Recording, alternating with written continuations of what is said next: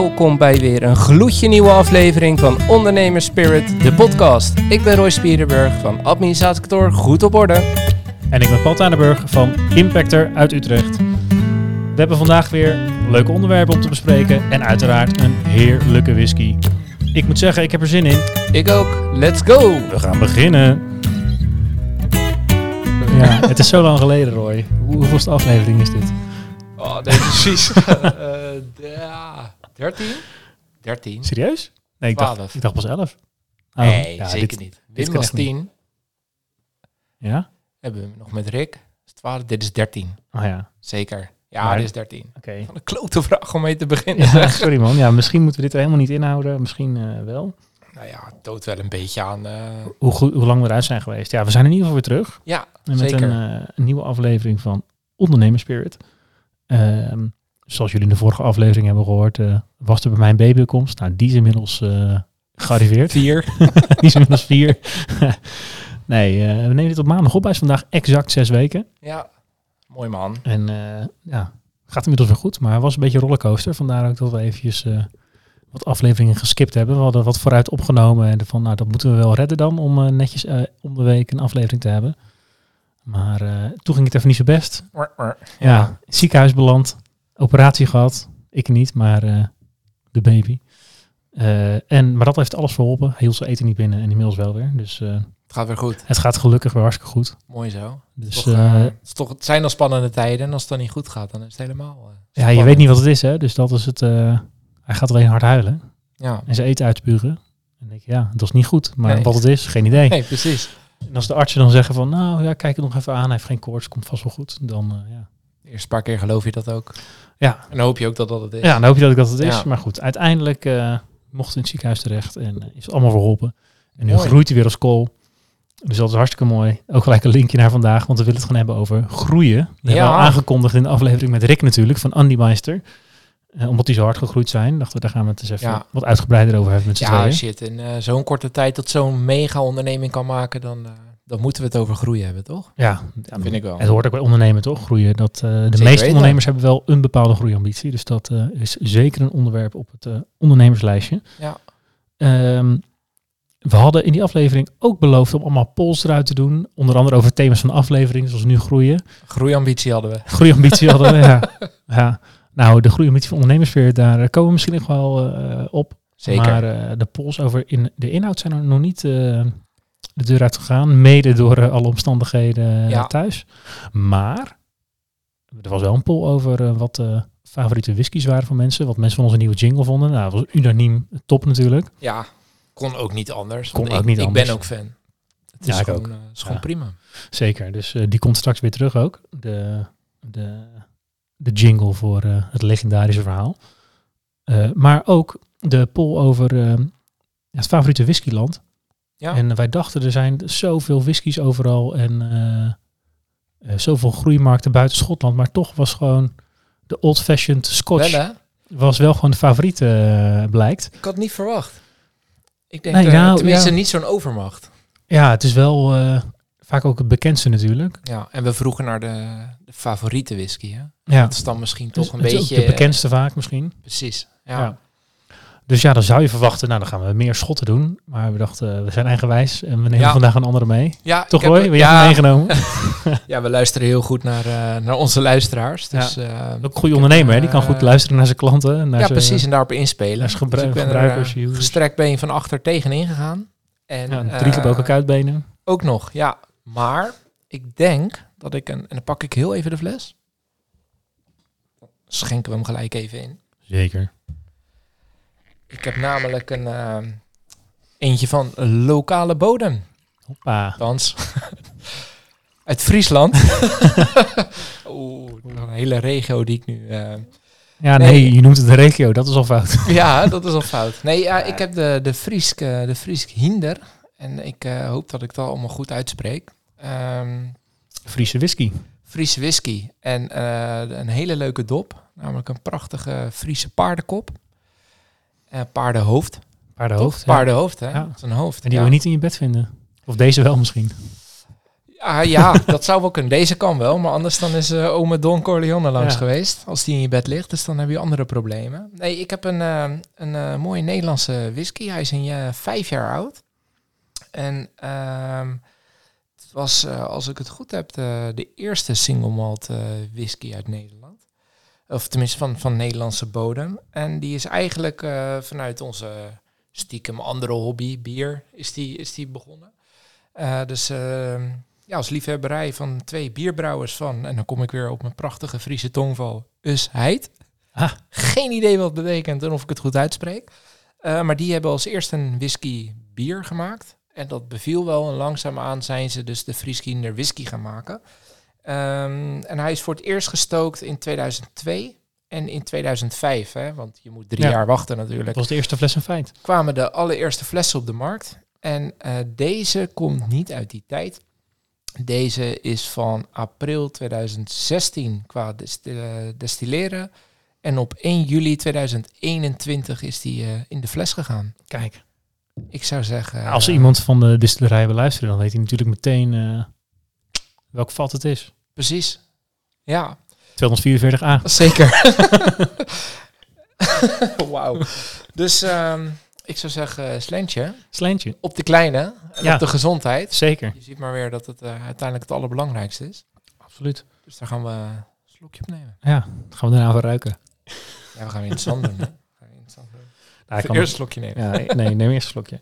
Eh, ik zie in ieder geval dat hij weer lekker, eh, ik zou zeggen, toch wel geel gaat van kleur is. Ja? Ja, heb jij hem donkerder? Ik zit aan de andere kant van de tafel. Misschien is het licht Ah, ja. hier anders. Ja. Nee, ik, eh, ik ga echt voor honing. Oh, ik vind hem niet eh, super donker eerlijk gezegd. Nee? Ja, en de fles ziet er trouwens wel donkerder uit, maar in mijn glas niet, vind ik. Nee. Als ik zo even spiek naar de fles, dan snap ik jouw honing. En qua geur?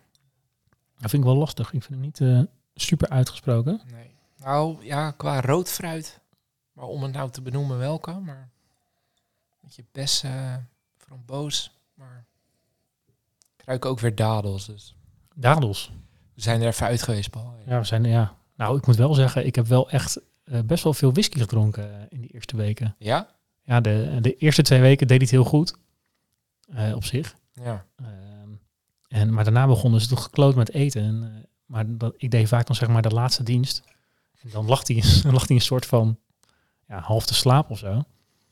En dacht, ja, neem toch even een klein beetje whisky. Dus het was niet veel, maar wel vaak. Dus Ja. elke, ik drink normaal niet echt elke avond een glas whisky. Dan heb ik wel alle restjes even opgemaakt eh, door de week heen. Terwijl je de laatste fles gaf. Ja, eigenlijk ervoor als hij lag te slapen. En dan nam ik even een whisky en dan kreeg hij Ja, daarna, precies. ja. Ja, ik weet niet of het even niet luistert, maar ik heb dat ook best wel eh, gedaan in die tijd, ja. Ja. No- nog wel eens. Ja, Ik luister mij een half jaar, dus die krijgt s'avonds ook nog flessie. ja. En, eh, En dan is deze fles voor jou. ja, ik, ehm, qua smaak, ik vind hem heel bitter en ook niet echt heel uitgesproken. Dus eh, sorry voor eh, Ja, ik vind hem ook de liefhebbers, maar ik ben niet enorm kapot ervan. Het is een beetje, ja, een beetje kruidig en heel bitter. Ja, wel een beetje bitter, ja. En ik, Of ik nou peper of... of, of ik zou niet zeggen peper, maar wel iets ehm kruidig, specerijachtig. Maar ik zou niet goed Ja. kunnen benoemen welke. Maar eh, misschien ook een beetje de... Friese paardenmest. nou, nou, daar doe je wel tekort mee. Wat zit erin? Tonen van, ik. Tonen van- nee, ja, de, de, de, de, het heeft ook wel iets van de, de tannines bij zo'n wijn. Ja. Het blijft ook een beetje droog in je mond hangen. Het zijn overigens wel rode wijnvaten waarin die... Waar die op gerijpt heeft. Ja. Oh, ja. Nou, dat, ik weet ook niet of dat... Volgens mij komen de tannines vaak uit de pitten van de druiven en de schillen. Maar dat trekt dan natuurlijk ook weer in dat vat. En in dat het eh, ja. ja, nou, laten we zeggen dat we enorme kenners zijn dat we dat, eh, die associatie hebben. Maar ik vind hem niet... ehm, eh, hij heeft niet een super uitgesproken geur of smaak, vind ik. In die zin Nee. is hij wel Ja, maar ik vind hem dus wel heel... een beetje bitter overheerst in de... En droog. In de De, ja. de lange, lange Ja. droge afdronk. Ja. Ik denk wel dat hij goed gaat met een stukje rood vlees. Ik wil net zeggen, ik denk dat hij ook wel goed gaat met eh echte pure chocola. Heb ik hier liggen, man. Ja? Volgens mij wel. we kunnen het even proberen, toch? Zal ik wat pakken? Ja, pak jij het Ja, even. we doen gewoon dan even, knippen we eh, even de pauze tussenuit. En als, maar als je heel snel bent, laten we het er gewoon in. Eh, knip maar. Dit wachtmuziekje wordt mede mogelijk gemaakt. Nog even een sponsor. Ja. Is dat eh, pure chocola? Het zeggen, zo ziet het er ook niet uit. Nee, ik dacht dat het eh, pure chocola was, maar het is wel... ehm, Een soort pindarotjes. ja, maar dan zit er... Maar dan anders. ja, er zit een fruitig smaakje aan. Dus misschien dat dat wel... eh we proeven ook fruit. Dus ik zou gewoon zeggen, doe het gewoon. Ja, ik denk dat dit eh, dus zo Krentjes zoet is. en Dat rozijntjes zitten erin, in die chocola. En die proef je misschien ook wel een beetje terug. ik denk dat dit zo zoet is dat het een beetje overheerst. We gaan het proberen. Bijt eens even in de microfoon. Ah, Oké. Dit is echt bij far de zoetste chocola die ik ooit gegeten heb. Jezus. Ja. Gaat het er goed bij? Zo niet ligt Nee. het aan de chocola. Nee, nee, dat gaat er niet goed bij, vind ik. Wordt hij nog wat droger en bitterder van, omdat het zo zoet is. die. Nee, dat... eh, Nee, nee. Nee. Mislukt experiment. Ja. Kun je hem even op? Maar goed, hè? het, is ook, het is ook geen hele, hele pure chocolade dit. Nee. Wat je wel zei dat je had, maar goed. We zien het door de vingers. Maar Ja. groeien. Ja. Ja. Ik heb de afgelopen tijd eh, heel wat ondernemers gesproken. En zeker de laatste drie weken, want we kunnen er helaas niet omheen. Alle ellende hierin, eh nou niet hier, gelukkig niet hier nog, maar eh, in, in Europa. Die eh, hebben toch wel voor wat kopzorgen gekost. Je hebt het over de oorlog. ehm, Zeker. ja. Ja, dat is, hè, dat, is natuurlijk bizar dat dat zo dichtbij is en ook eh, best wel abrupt. Want het is natuurlijk al jaren dat je denkt, nou, zo gek zal hij toch wel niet zijn dat hij het echt gaat doen. Nou ja, bij de Krim dacht hij, kijk hoe ver ik kan gaan. Niemand greep in, dus hij dacht, oh, nog een keer. wacht even tot corona voorbij is en dan gaan we. Maar ehm, het heeft natuurlijk wel enorme impact op gasprijzen, olieprijzen, ehm, granen, dus eh, meel, beslag, eh, de hele rambam. Die, Ja. die worden natuurlijk allemaal veel duurder. En eh, nou ja, ik heb wel wat, wat, wat ondernemers gesproken die daar echt wel last van gaan krijgen. Of, of al Of hebben. hebben. En dat zijn toch wel dingen waar je in principe helemaal niet... Nou, ja, je denkt er wel een beetje over na, maar niet dat het... Ja, het is iets wat, weet ik het, hoe ver verderop gebeurt. Waar je echt nul invloed op hebt en direct eigenlijk ook niks mee te maken hebt. Kijk, op het moment dat jij eh, goederen importeert vanuit Oekraïne... eh, dat, ik weet toevallig, dat, dat serieus de, de tafel waar we aan zitten, dat, houdt, dat komt uit Oekraïne. Serieus. Nou ja, die gasten die hebben nu geen hout meer, denk ik. Ja, dat, daar, maar je, hebt er, je kan er niks aan doen, maar je hebt er wel Nee. mee te maken. Ja, en ik, zeker. ik sprak dus ook ondernemers waarvan het personeel aan had geklopt van... joh, wat gaan we doen met de kilometervergoeding? Want ja, die, die komt uit 2006. Toen kostte, nou, 1,30, 1,40 Een kwartje kost- misschien. Nou, dat, dat ook weer niet, maar... Nee, maar dat is echt eh, bizar inderdaad. Want ik heb een hele, de- een hele goedkope bij mij in de buurt.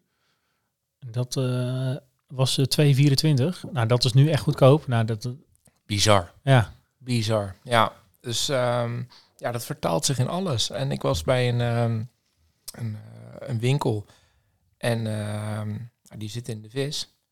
Ja, die bootjes die vis gaan halen, die één zo'n vaart kost gewoon 10, 15.000 euro duurder. Door, door alleen maar de, de, de olie en de, en de Ja. gasprijs.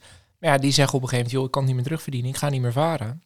ja Oftewel- Is wel goed voor de visstand misschien in de zeeën. Dat weer wel. Maar ja, dus minder vis op de afslag, duurdere prijzen. Ja. eh, nou ja, waar het allemaal in verpakt wordt, eh, dat wordt ook alleen maar duurder. Vervolgens moet je, als je bijvoorbeeld een bakje kibbeling hebt, nou ja, dat moet in het beslag eh, ook allemaal duurder. Ja. Ja, dat zijn prijsstijgingen. En, en dan komt het personeel waarschijnlijk er nog achteraan. De CO-onderhandelingen die lopen nog. ja. Ja, dan kan je het gewoon niet meer... En er was gelukkig nog niet zoveel inflatie eh, die de prijzen op zich. Precies. Nee, want je verkoopt het ook nog eens in een, eh, in, Ja. in een winkel of een restaurant waarbij eh, de gasprijzen uit de pan schieten. Of, of de elektra om het pand te verwarmen. Ja, is bizar. Ja. En dat heeft me wel aan het denken gezet van ja. Ja, ik zag je, trouwens ook nog voorbij komen laatst eh, ehm, mensen die een beetje losgingen op eh, eh, verzekeraars die eh, dan nu zeg maar Ja. de, de garantie op Leveringen leveringen, van naar, vanuit ja, Oekraïne en Rusland of misschien zelfs landen om erheen stopzetten. dat, ja. ja, wat vind je daarvan? nou, je verzekert je voor... mijn eerste reactie was inderdaad eh, bloed onder die verzekeraars. Ik heb het toch wel een beetje hekel aan verzekeraars.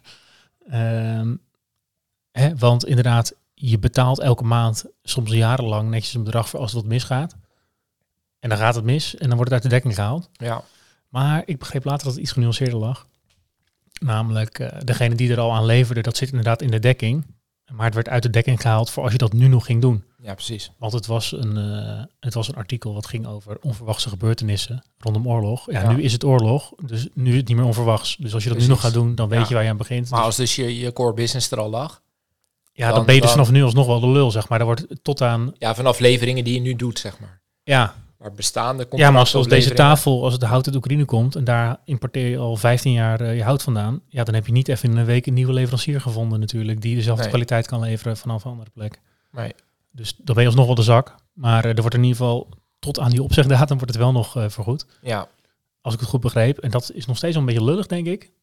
Hè, want je, je kon het niet zien aankomen. En het is niet binnen een week opgelost. Maar het is wel iets genuanceerder dan eh, wat een Ja. bloedronde. ja, maar je kan hem ook omdraaien. Hè? Dat je, het is ook een beetje raar als je nu zegt... eh, nou, eh, doe, doe maar al het hout uit Lu- Luhansk.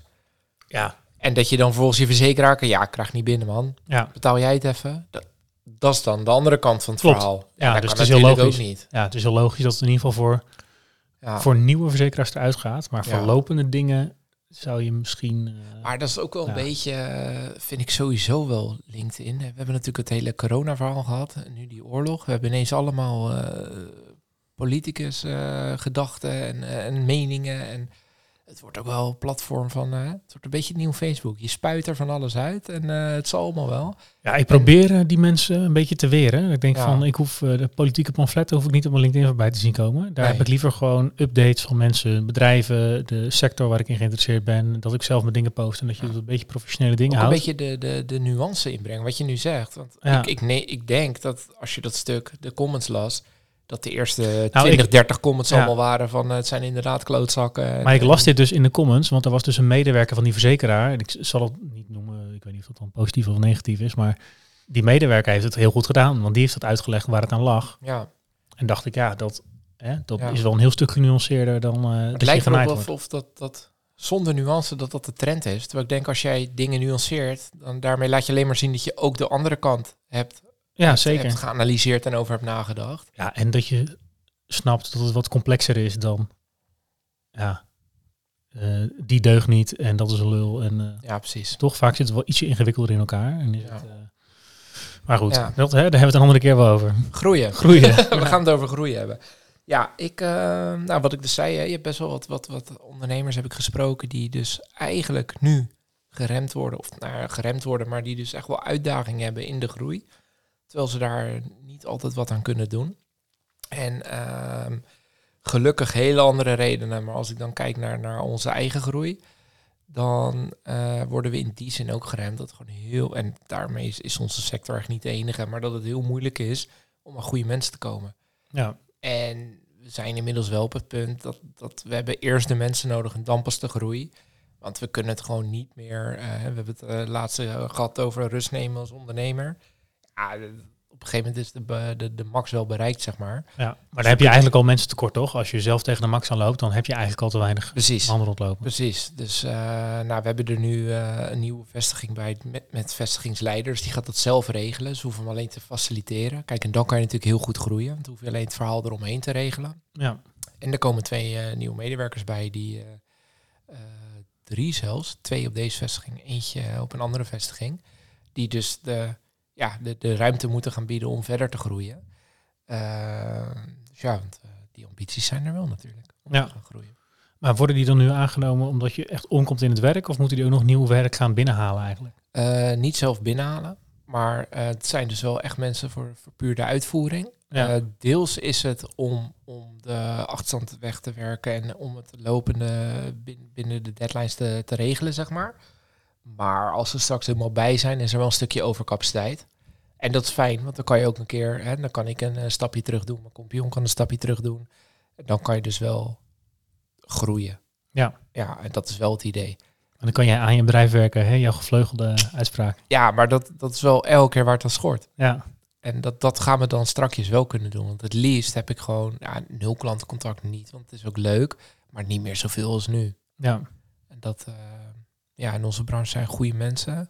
Je kan heel veel automatiseren, goede pakketten komen. Daar ga je heel veel tijdwinst mee halen. Maar ja, al die bedrijven gaan bellen, mailen, die willen gesprekken. Ja, wat Dus moeten we met een nieuwe tank passen, hè, nu het al zo verduurder is? Dat, daar, echt- Gesprek heb ik ook gehad, inderdaad. Ja, ja, dat is allemaal hartstikke leuk. Maar eh, ik heb 30 man personeel, die komen allemaal tegelijk voor een verhoging. Wat, wat gaat dat betekenen voor mijn bedrijf? Ja, dat is natuurlijk wel heel fijn als je hier goede mensen hebt die dat allemaal al voorbereiden. Ja. En je houdt altijd klanten die dan per se mij willen bespreken, omdat dat vanuit oudsher zo gegroeid is. Maar je kan nu voor nieuwe klanten ook gewoon die mensen naar voren schuiven. Joh, Ja. Dit is hem. Dit is jouw, eh, jouw, jouw Superman, zeg maar. jouw en als die er echt niet, niet, niet uitkomt, dan hebben we intern nog wel dat hij eh, mij bericht. Ja, dat kunnen we nu wel gaan doen. Dus Ja. dan kun je inderdaad gaan groeien. Ja, nice. Maar Ja, dat, dat, even eh. We hebben altijd geleerd dat, eh, dat zie je eigenlijk lang niet altijd. Maar de gevleugelde uitspraak eh, is a profit over growth. Dus je moet eerst een winstgevende business hebben voordat je gaat groeien. Nou, daar hebben al die flitsbezorgers totaal scheid aan. Die, daar wordt eerst, flitsbezorgers. ja, de, de Flink, de Gorilla's, die, Oh ja, ja. hè, daar gaat eerst een miljard in en dan zien ze wel of ze de markt hebben. En dan zien ze daarna wel een keertje of er misschien nog winst te behalen valt, volgens mij. Dus die doen het helemaal andersom. Dat eh, is volgens mij niet eh the way to go. Eh, want je moet volgens mij eerst een goede business hebben die, Ja. waarde, die waarde geeft en eh, waar je ook weet dat je winst uit kan halen. Maar wat is ook het idee en dan gaan, op, dan gaan opschalen. Waarom zou iemand een miljard stoppen in een, in een ja, concept waarvan je denkt, ja, het moet zich nog bewijzen, is er over nagedacht. Ja, ik denk dat ze voor de winner takes all gaan en dat ze, Puur marktaandeel. ja, Dat ze dat willen hebben. Ja, volgens mij is het idee, ik heb me er niet eh, heel erg in verdiept, maar wat ik erover voorbij zie komen is, eh, er is waarschijnlijk geen ruimte voor twee van die aanbieders, of drie. Dus waarschijnlijk gaat er uiteindelijk eentje winnen. Ja. En degene met de grootste zakken, die gaat winnen. En als je hebt gewonnen, dan bestelt iedereen bij jou die ja, hè, heel veel haast heeft en over tien minuten zijn soeppakketje moet hebben. Ja. Of het zal waarschijnlijk vaker neerkomen op een beetje chips of bier of zo, maar ik weet eigenlijk niet. ja, het is gewoon een avondwinkel met een bezorger, toch? Ja, Heel eerlijk, als ik nu trek heb in een banaan, ga ik er niet een banaan bestellen. nee. ja, ik, misschien eh, ben ik nu al een oude lul, dat weet ik niet, maar ik snap daar echt niks van. Nee, ja, ik vind het ook van de zotte. Ik bedoel, Toch? eh, dan zeg maar, ja. Past ook helemaal niet in dan ga je toch ochtends de- even langs de supermarkt. Als je denkt van we hebben straks een borrel, ik ga even chips halen. Of Ja. je bestelt het even. Je weet toch al, we gaan een borrel hebben hier op kantoor. Dus ik bestel van- in het begin van de week even eten en drinken. Of je gaat het halen. Plus dat die, die, die, die marges zijn zo klein. Neem nu die brandstofprijzen. Dat, dat kan voor dat soort bedrijven al niet meer uit. Want hun kostprijs is zo gefine-tuned. Ja, nou, ik weet niet het hoe het eh, in Utrecht zit. Ze allemaal op de fiets. Dus ik denk dat ze daar weinig last van hebben. Oh dan. echt? Ja. Hebben ze geen uh, scootertjes en zo? Oh. Nee. Oh, dan valt het mee. Ja, wel elektrische fietsen. Maar zo als die uh, parkoelingen die wat meer ja, ja, precies. kosten. Maar goed, die gaan dus echt eh, eerst knijterhard groeien. En Ja. dan maar zien of ze het ook winstgevend kunnen maken. En eh, ik kan me ook niet anders voorstellen dan dat daar op termijn nog enorme arbeidsconflicten gaan komen over die uitgeknepen bezorgers. Ja. Die eh, wel slash niet in dienst zijn, waar volgens mij iedereen een andere mening over heeft. Maar het past volgens mij ook helemaal niet in de, in de, in de trend van duurzaam ondernemen die er is. Toch? Nee. Denk het aan, Nee. aan het milieu en, en, en hebben we tegen verspilling. En, hoewel, het is ook weer tegen verspilling. Als gewoon iedere keer als je een banaan wil, denk je, nu, nu bestel ik hem. Ja. Dan zal ik een trosje van zes waarvan ik moet weggooien. Maar ik, ik ja, Ja, nee, maar het is toch puur... het eh, gaat wel heel erg tegen de trend in. Ja, denk ik ook wel. Zo had ik eigenlijk nog niet over nagedacht. Maar dat, het is wel... Het is wel met de trend van, eh, ik heb ergens nu zin in, Ja. dus ik wil het nu hebben. Dat is een beetje die enorme verwende... Generatie. Ja, ja, Ik ben ook benieuwd hoe verwende een, mensen, wij zijn het misschien ook wel een beetje. hoe een klantbestand eruit ziet. Dat ze kunnen alleen maar jonge mensen zijn, toch? Ja, veel Als- jonge als- mensen. als wij hebben op kantoor ouders- ook wel eens eh, gedaan hoor. Ja? Maar eh, Als ik aan mijn ouders uitleg wat Gorilla's is, dan, dan die snappen daar niks van dat dat bestaansrecht heeft, zo'n bedrijf. nee. Dat Nee. geloof ik niet. Maar ik heb er ook nooit besteld. Ik ben er, eh, ik vind het maar niks. Maar ik moet wel eerlijk zeggen dat ik heb meegeprofiteerd eh, dat we, Ja, toen we geen borrelnootjes meer hadden op kantoor, dat iemand zei, zal ik even weer bij Gorilla's nog wat extra bestellen? Ja, dus dat. Maar goed, hè, het was ook niet het einde van de wereld geweest om geen borrelnootjes meer te hebben. Nee, dat is waar. Dat is waar. Maar goed, dat. eh, maar ik zou zeggen, je moet dus eerst eh, je concept bewezen hebben. Ja, En dan, eh, dan groeien. Dat is misschien een beetje constructieve eh, inslag. En ik kan me voorstellen dat in, in sommige hele competitieve markten dat je wel een risicootje moet nemen met eerst groeien. ja. Dus in die zin snap ik dat wel. Ja, de kosten gaan meestal voor de baten uit. Alleen het punt is dat je, je hebt eerst die cashflow nodig om de Ja. investering te kunnen doen, zeg maar. Ja, maar dat is wel wat anders de kosten voor de baten. Want zij zijn niet meer kosten aan het maken om een concepten ontwikkelen en te testen. Zij zijn gewoon kosten aan het maken om super hard op te schalen. Ja. Terwijl ze eigenlijk niet eens weten of het, eh, of het een winst, winstgevend eh, concept is. Nee. Dat heb je denk ik uiteindelijk wel nodig om een duurzame onderneming te zijn, toch? Ik bedoel, als je over 30 jaar nog wil bestaan, dan zal, zal er toch ergens om betaald moeten worden. Nee, ja, eens. Eens. Maar hoe, hoe kijken jullie eraan dan? Bij, eh, bij Ja, wij hebben de, de qua pech of de domme en keuze dat we in een markt zitten die echt extreem traag gaat. Ja. Dus eh, universiteiten beslissen heel erg traag. Eh, dus ja, wij groeien heel langzaam. Ja. Dus dat zei je ook in een van die eerdere afleveringen al. Dat soms gewoon een, een onboardingsproces, zeg maar, om maar even een eh, hele enge luxe term te gebruiken. Ja. Dat, dat kan bij jou zo twee jaar duren, toch? Mhm. Tussen eerste gesprek en Ik heb we gaan wat voor je eh, doen, zeg maar. Ja. Ja, zeker. Dat kan zeker. Ja, daar kan me niks van voorstellen. Nee, dus veel instellingen die, eh, die kennen ons. En eh, de poppetjes verschuiven wel eens. Eh, ja, wij maken natuurlijk wel een soort automatiseringsslag in het, in het subsidieaanvraagproces Ja, bij universiteiten. Dus ja, sommige mensen zijn ook geen fan. Dat mag natuurlijk ook. Maar die voelen zich een beetje bedreigd. Of die, die vinden dat, het, dat het mensenwerk moet zijn. ja. Maar er zijn ook gewoon partijen die denken van, oh ja, oh ja maar als een, hè, als een eh, artificial intelligence dit gaat doen, dan wil ik eigenlijk dat hij dit, dit en dit kan. Ja, dan, eh, dan eh, moeten wij soms nog even twee jaar ontwikkelen voordat dat kan. Ja. Soms zijn er verwachtingen, dat, dat kan nog niemand. Maar ja, die ontwikkeling gaat ook weer zo snel, dat kan over een paar jaar anders zijn. Maar ja, dat betekent wel dat, dat die contacten langzaam gaan. Dan kan je twee dingen doen. We kunnen naar een andere markt gaan. Dat zou kunnen. Eh, maar ja, dan zijn wij stiekem misschien toch wel een beetje de idealistische ondernemer die het eh, ook wel interessant vinden. eh, Om die hele wetenschap eh, beter te kunnen linken met, eh, eh, met de maatschappij. En dat, eh, dat doe doen je we op deze manier wel. je- ja, precies. En dan gaat je passie bovenop de meer winst kunnen maken of schaalbaarheid. Of, Ja, dus nee, er zit wel winst in, maar het is niet dat, eh, dat we zeggen we groeien eh, 30% per jaar en eh, we knallen er eh, nog een paar man tegenaan en dan eh, nee, precies. hebben we over twee jaar eh, Oh, Amerika er ook bij. Hoeft niet erg te zijn. Nee, zeker Toch? niet. Nee, Je hoeft nou, niet per se te groeien. Wa- Waarom zou je willen groeien? Willen jullie überhaupt al groeien? Ja, we willen wel groeien. Eh, ergens omdat het ook wel een beetje een gevoel geeft van je bent ergens aan het bouwen. Dat is wel Ja. een gaaf gevoel dat je iets aan het opbouwen bent. Eh, en als het niet vooruit gaat, dan is het ook een beetje van ja, wat, wat ben ik nou eigenlijk aan het doen? Ja, maar vooruitgang kan ook kwalitatief zijn, toch? Of, Zeker. of grotere klanten of Ja. betere uitkomst voor je klanten kan ook, kan ook vooruitgang zijn. Zeker, zeker. Hoeft Ja. niet altijd met, als je groeit, dat zeg ik helaas uit ervaring, er komen wel wat, eh, wat groeistuipjes en eh, dus groeipijn op je af. Ja, zeker. Dat, eh, ja, dat, dat merk je ook al van het samen doen naar eerste medewerkers aannemen. Ja, Dat is ook al een dingetje van shit, nu moeten we allemaal dingen gaan regelen. dingen vastleggen. Dingen vastleggen. Ja. Ja, als het misgaat, dat... ja, dat ja, maar ook eh, gewoon iets wat voor jou en, en, en Tijmen ongeschreven regels zijn. Van je weet gewoon dat als de een beweegt, dan beweegt de ander zo. ja, Ja, dat is voor jullie super logisch. En dan komt poppetje nummer drie die zegt Ja. van, joh, wat ik moet doen, want ik kan nergens iets vinden. ja, maar ja, wij onwijs last van gehad. Dat we ineens dingen moesten, procedures vastleggen. Wanneer doe je wat, eh, wie doet welke klanten. Dat allemaal in ons hoofd. Ja, dat moet je dan gaan formaliseren. Dat moet, ja, zeker. Ik denk dat we daar één wel- of twee medewerkers kan dat nog net misschien. Maar daarna wordt het echt al... Ja. Moet je dat niet willen ook. Nee, dat, dat sowieso niet. Maar wij zijn eigenlijk een beetje eh, ehm, van consultancybedrijf naar IT-bedrijf gegaan. Ja, Eh, en toen zijn we pas de eerste persoon gaan aannemen. Bij IT moet je sowieso goed eh, dingen bijhouden. ja. Dus dat ging een soort van automatisch, eh, ging het gelijk mee. Dat, dat scheelt. Ja, dat scheelt wel. Ja. Dat scheelt wel. Ja.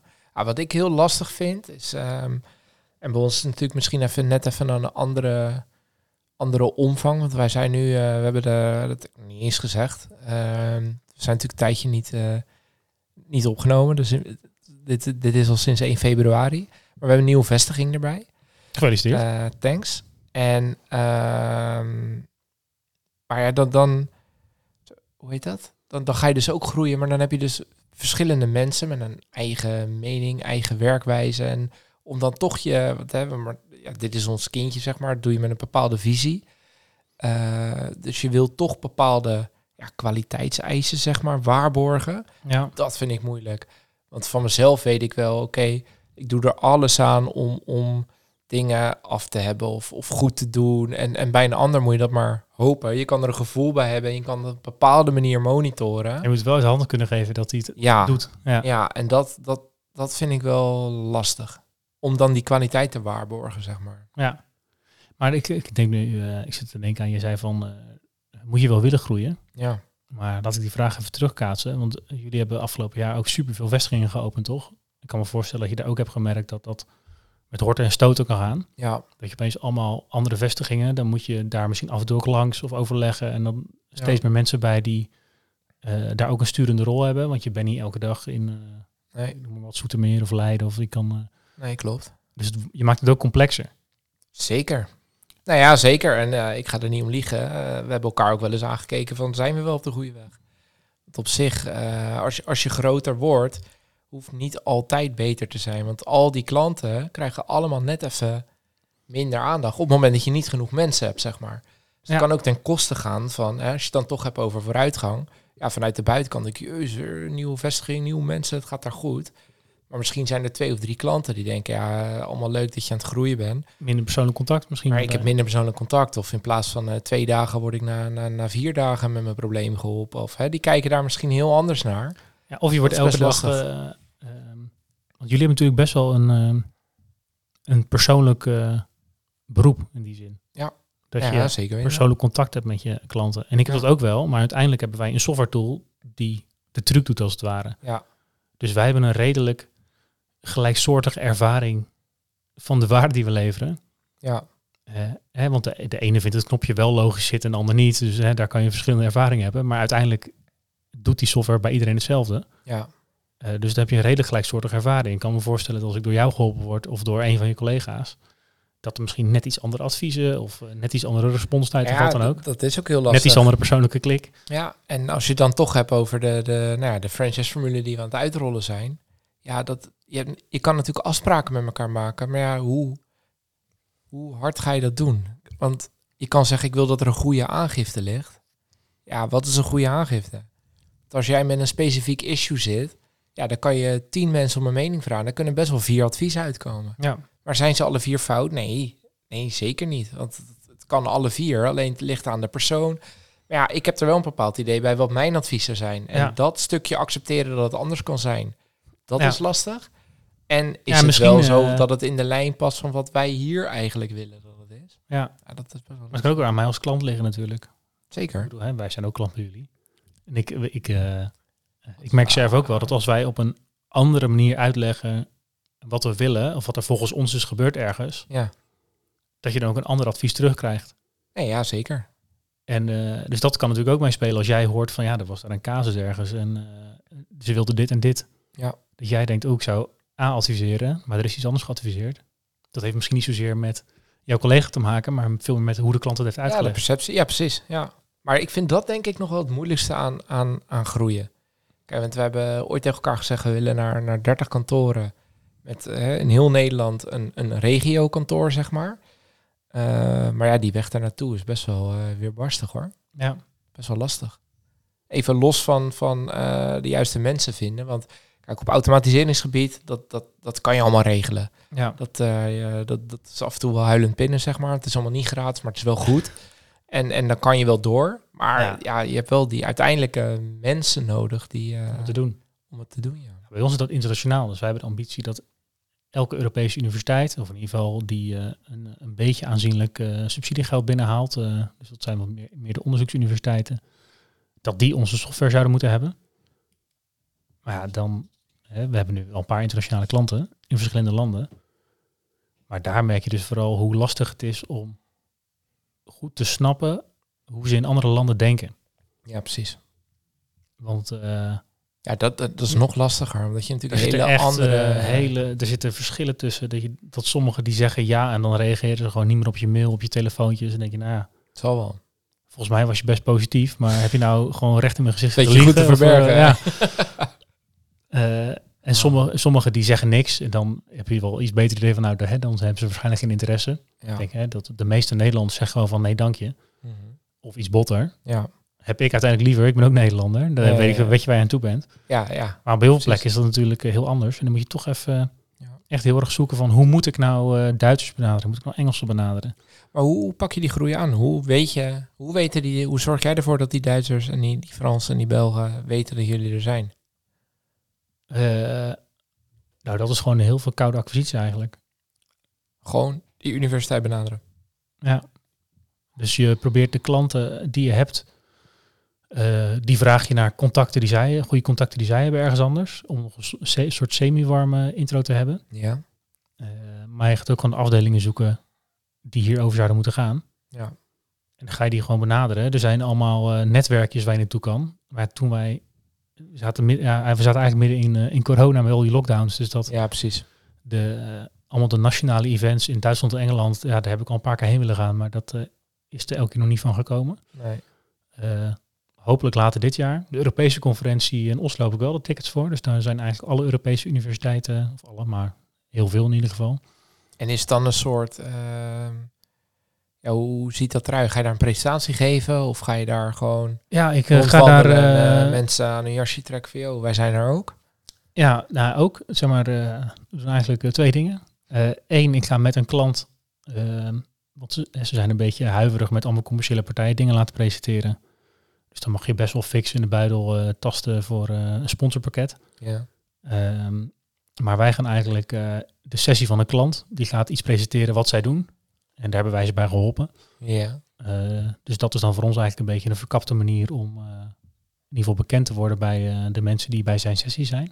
Dus hebben we een beetje een halve sessie voor ons als het ware. Als we gaan uitleggen, we hebben dit zo bij hem gedaan en ja. dit kunnen we ook voor jullie doen Ja. natuurlijk. En dit werkt wel goed, hè? Gelijk klantcasus. Ja, zeker. Ja, nou ja, we moeten het zien, maar dat, mijn verwachtingen zijn wel En dat ja, het... onze ervaring is dat het heel goed werkt. Omdat dan, eh, je, laat, je maakt het tastbaar, zeg maar. Waardoor die andere partij denkt van, hé, hey, maar dit speelt bij mij. Dus dit is voor mij ook nuttig. En, Ja, ze hebben iemand die, eh, die, eh, ja, die eenzelfde baan heeft, dus die tegen vergelijkbare issues aanloopt.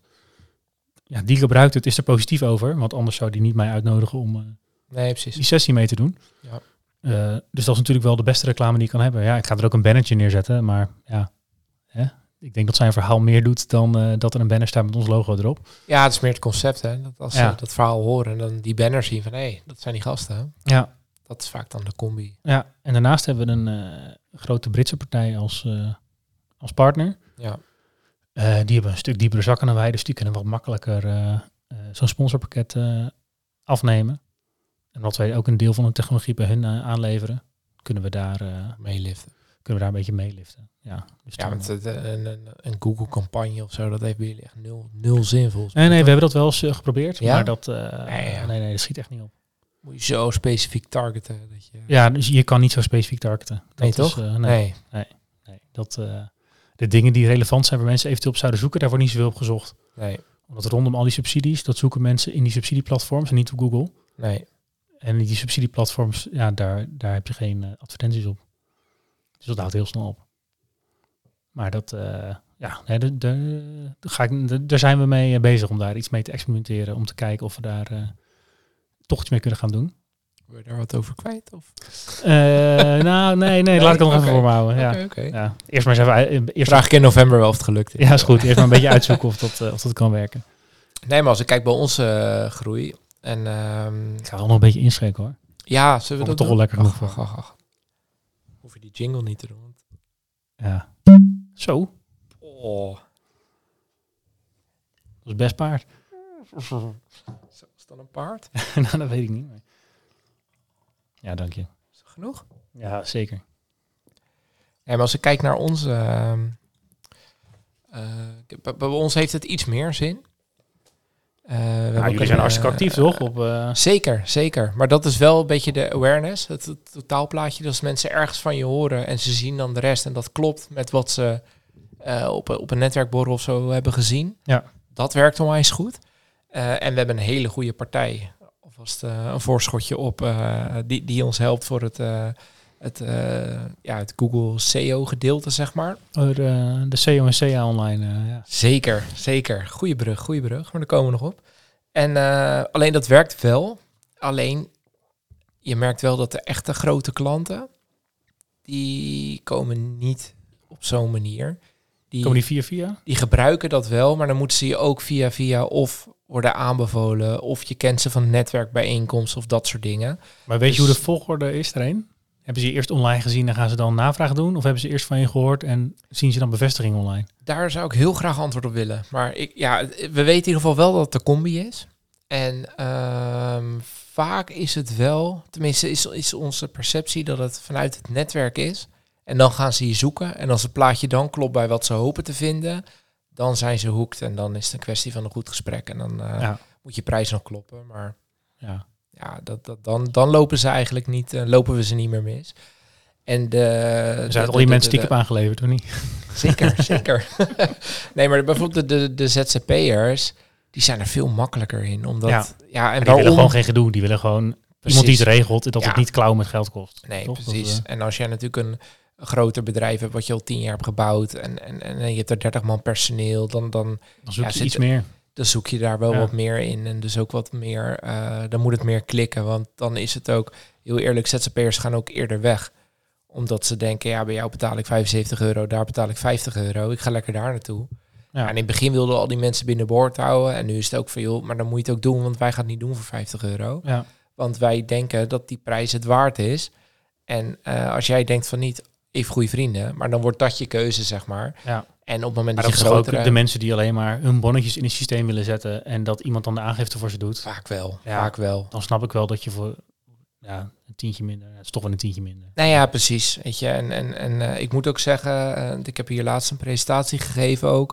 Toen heb ik het uitgezocht dat van de klanten die weg zijn gegaan de afgelopen drie jaar, was 96% was op ons verzoek. Omdat we gewoon zeiden, joh, op deze manier willen we gewoon niet meer met je verder. Dus op ja. zich Ja. Valt het, ja, dat is nog 4% die dan gaat waarvan je het liever niet hebt. Maar ja, dat, ja, dit is al in de game. Dat, Ja, hoort erbij. er niet zeg maar. veel. Nee, ja, precies. Dat, dat, dat is prima. Ehm, maar je, je merkt wel dat als je... En daarom, dan, ik heb dan wel puur gekeken voor, voor onze vestiging, waar wij volle bak erop zitten. En ja, als je dan door gaat groeien, dat vind ik zo lastig. En dan denk ik, ja, hoe gaan die anderen dat doen? Ja. En ga je daar ook zulke percentage halen? Of gaan we daar... Want ze lopen wel met jou, jouw naam op hun factuurtjes en offertes Ja. en, en dat soort dingen. Ja. Dus dat is best wel een spannende, spannende ontwikkeling. Ja. Maar we hebben ons wel eens afgevraagd, ja, moet, je, moet je wel willen groeien? Ja. Ja. Ik denk dat eh, uiteindelijk ga je niet ondernemen als je helemaal niet iets van groeiambitie hebt. Alleen eh bij sommigen is de groeiambitie beperkt van eh, eh, ik wil een eh, ervan kunnen leven. ja, Iets luxer is prima, maar ja, precies. Voorheen deed ik het in opdracht eh, of deed ik het voor een baas en ik wil nu eh, anderhalf keer zoveel kunnen verdienen. Of hetzelfde, maar meer vrije tijd hebben. ja, Maar ik denk degenen die aan personeel beginnen, die hebben wel een groeiambitie. ja zeker wel. Toch? Want Ja, anders. dat eh, zien wij wel Dat is terug toch een Joods gezegde toch ook? Ik wens je veel personeel. Dat is geen Ja. compliment. Nou, nee, als iemand dat tegen je Ja. zegt, dan ik wens je een hoop personeel. Ja, En eh van, joh, jou, eh, jou als klant gun ik aan de concurrent. Dat is er ook wel eentje die vaak voorbij komt. ja. Nee, dat is niet positief. Nee, maar er komen gewoon veel extra dingen bij kijken. Dus als je het alleen maar doet om gewoon ja, hè, lekker je hypotheek te kunnen betalen en, eh, of je huur en eh, een goede boterham te hebben, Ja. dan eh, Nou ja, ik, ik, als je dan even teruggaat naar een jaar of vijf, zes geleden, toen hoe wij goed op orde hebben opgebouwd, volle bak interimen bij accountskantoren. Nou, dat waren echt leuke facturen. Ja, en als ik nu kijk naar wat je dan zeg maar in een maand kon factureren, dat is meer dan wat ik er nu als management fee uithaal. ja. En ik had ook al het, al het gezeur of al het gedoe, al het werk van, van eigen klanten niet. Maar ja, ik werd er niet gelukkig van, want je bent voor een ander bezig. ja, Eh, het is nog steeds hun agenda. Je moet je conformeren aan een ander bedrijf. Het is alleen in plaats van een loonstrook stuur je factuur. En die is heel gunstig hoor. En, en je kan er goed van leven. Dus als ik het makkelijk gehad zou willen hebben, had ik lekker dat gedaan. ja. Dus ja, er zit ook Ja, wel ook een, bepaalde eh, passie in om iets te bouwen, zeg maar. Dat is ook een bepaalde vorm van eh, groeiambitie. Zeker. Maar dan ben je gewoon zo snel mogelijk zoveel mogelijk geld binnenharken. Ja, En dat, eh, ja. dat, dat kan dan daarmee. En ik ken ze hoor, die, eh, die pakken 10, eh 12.000 euro in de maand. En dat doen ze 10 maanden in het jaar en twee maanden doen ze helemaal niks. Ja, maar het is niet, je hebt geen, geen eh, je bent niet een bedrijf aan het opbouwen. Nee, Dat je, bent, nee. wat, eh, je bent gewoon... je bent een urenfabriek die heel goed verdient. ja. En daar kan je echt heel goed dan kan je ook een heel leuk leven van hebben, toch? Want Precies. En, twee en als je dat leuk eh, vindt, moet je het ook absoluut doen. Dus ik wil ook zeker niet zeggen dat het, dat het niet goed is of zo. Maar dat is niet waarom ik ben gaan, gaan ondernemen, nee. Nee. Dus dat eigenlijk. Ja, Hebben same we hier. hoop verteld over onze eigen groeiambities. Gaan we nog even samenvatten? Nou, doe je dat maar. Ja? Heb je een beetje meegeschreven? Ik heb eh, beperkt meegeschreven. Maar ik denk dat je in ieder geval moet... eh, je moet eerst, denk ik... Stap 1 is waarom wil je groeien? Wat is je, wat is je doel? Waarom wil je groeien? Als je dat niet helder voor ogen hebt... dan weet je ook niet of het waard is om alle ja, minpunten en groeipijnen die je toch heeft... of, Ja. of dat het waard is. Ehm, en als je dan gaat groeien... dan moet je kijken hoe ga je dat dan doen. Nou, je merkt dat dat is heel erg branche en, en, en marktafhankelijk. Want wat voor mij eh, voor goed op orde heel goed werkt, is voor Impactor, ja.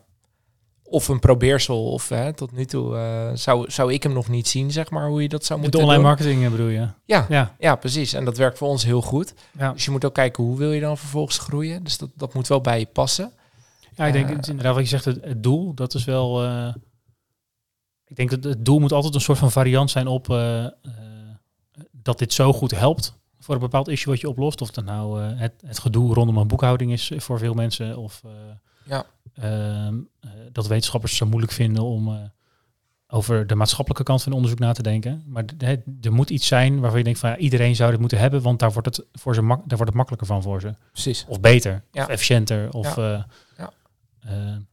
dat, want als je dat niet hebt, dan denk je, ja, waarom zou je dan groeien? Dan ben je, dan ben je aan het groeien om Ja. Van je 11.000 euro factuur 12.000 euro te maken, Ja, precies. zonder dat er een echt een idee achter zit. Ja, nou ja, dat, inderdaad. Ja, En, ehm, ja, en uiteindelijk moet je dus wel zorgen dat je wel de resources hebt om te kunnen groeien. Het zij in materialen, goede mensen. eh, het kan ook zijn een pand. Of, of ik, ik heb een ondernemer gesproken die wil al anderhalf jaar klant worden. Denk ik een fantastisch idee waar de markt echt op zit te wachten. Maar die heeft, he- heeft een groot pand nodig met hele specifieke eisen en een enorm startkapitaal. Ja, daar, dat is zijn bottleneck. Ja, dan moet je maar net even die angel investor vinden die dat, die dat, ja, die, die, eh, ja. hoe heet dat, ik die moet zeggen, ik mogelijkheid heb altijd ziet. geleerd dat eh, als alleen financiën het issue zijn, Ja, dat kan niet. nee, nee, want als je een goed idee hebt, dan komt dat geld ook wel. Ja, Ja, eens. ja dus, dat, eh, eens. dus dan Ja, zal er nog iets, dan zal het misschien niet duidelijk genoeg zijn dat, dat die markt er is. Of, eh, Ja. Ja. ja, of hij is te kop en hij heeft een aanbod gehad, maar dan, moest hij redelijk wat van zijn aandelen afstaan voor dat bedrag. En dat, dat wilde hij niet. Ja, Ja. ja. het is eh, het een of het ander. ja, Dat is wel lastig hoor. ja. Maar volgens mij moet je dus eerst bepalen waarom wil je groeien, op welke segmenten wil je groeien en wat is dan jouw meerwaarde. Ja, en dan de juiste marketingkanalen inschieten. Ik denk dat dat het moet zijn. ja. Waarom willen we groeien met ondernemerspirit? Waarom willen we groeien met ondernemersfeer? We hebben nog steeds ambities, toch? Ook al zijn we een soort van... eh, Even uit de lucht geweest. Nou, ja, uiteindelijk hebben we maar één, één aflevering overgeslagen. hè. Dus Ja, nee, valt vallen we mee. Dat vallen mee. Ja. ja voor, allereerst voor onszelf is het superleuk om te doen. Maar we denken ook dat eh, door eh, misschien wat openhartiger ook over ondernemersproblemen te praten. En misschien ook wel gewoon problemen waar anderen tegenaan lopen te bespreken. Dat Ja. het misschien wat, wat makkelijker voor mensen wordt om daar open over te praten. En op, die, en op die misschien ook het ondernemen leuker te maken. Of misschien wel makkelijker. Of mensen te helpen de stap te zetten om ergens aan te gaan beginnen. Eh, dus eh, ik denk dat wij in Nederland al heel ver afzitten van de ondernemersmentaliteit eh, in Amerika. Waar ik zeker niet altijd de grootste fan van ben. Maar Daar gaat het echt alleen om groei. Maakt niet uit hoe, Ja, precies. als je maar groeit. ja, dat is een beetje die flitsbezorgersachtig Ja. van als je maar groeit, ja, dan is het goed. precies, precies. Dus daar ben ik niet helemaal van. Maar wat ze daar wel super goed doen is gewoon... Ja, ondernemen zit gewoon in de haarvaten van die samenleving. En, eh, Ja. en eh, eh, als je dat wil gaan doen, dan zijn er altijd tien man, ook met track records, die zeggen, ja, prima, dan, Ga je helpen. dan sta ik bij wijze van spreken een half uurtje eerder op om even met jou een kopje koffie te drinken. En dan, Ja. dan lul ik even. En als ik het mooi vind, dan introduceer ik je ergens. Of ik geef je een tip en dan ga ik weer weg. Ja, en dat niet dat wij dat met ondernemerspirit nou voor heel Nederland gelijk zouden kunnen doen, maar om daar een kleine rol te spelen, dat, eh, zeker. dat zou ik mooi zijn. Ja, ja, en we hebben allebei met onze voeten in de klei gestaan. Dus eh, we Ja, willen... nog steeds hoor. Zeker. Nee, ja, maar dat, Moet je kijken. je weet best wel... eh, ja, je hebt alles wel... Nou, je niet loopt alles, gewoon maar je hebt heel veel een keer meegemaakt. Zoals we eh, gewoon, gewoon ondernemers daarmee kunnen helpen. Dat is gewoon super tof.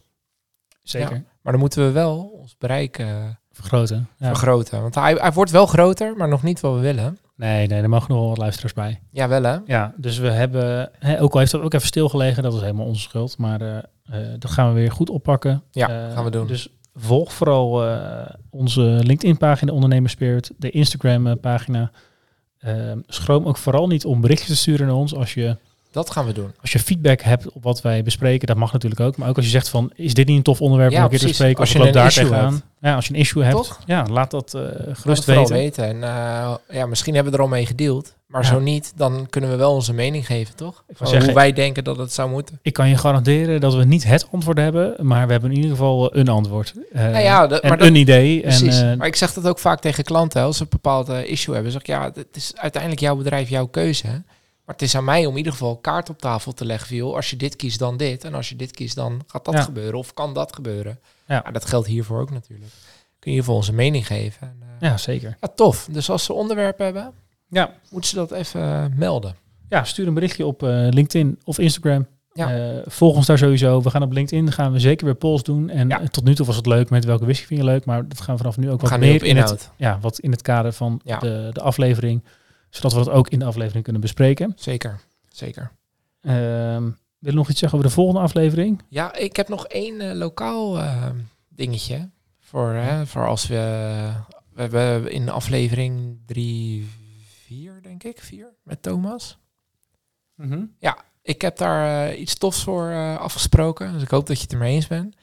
We krijgen daar de, de whisky, de ondernemer Spirit whisky van de maand. Daar, in, in zijn bar. Nice. Eh, met een eigen... Dus, dus wij kiezen de fles, daar vertellen we wat over. En hij presenteert dat in zijn, eh, in zijn toko.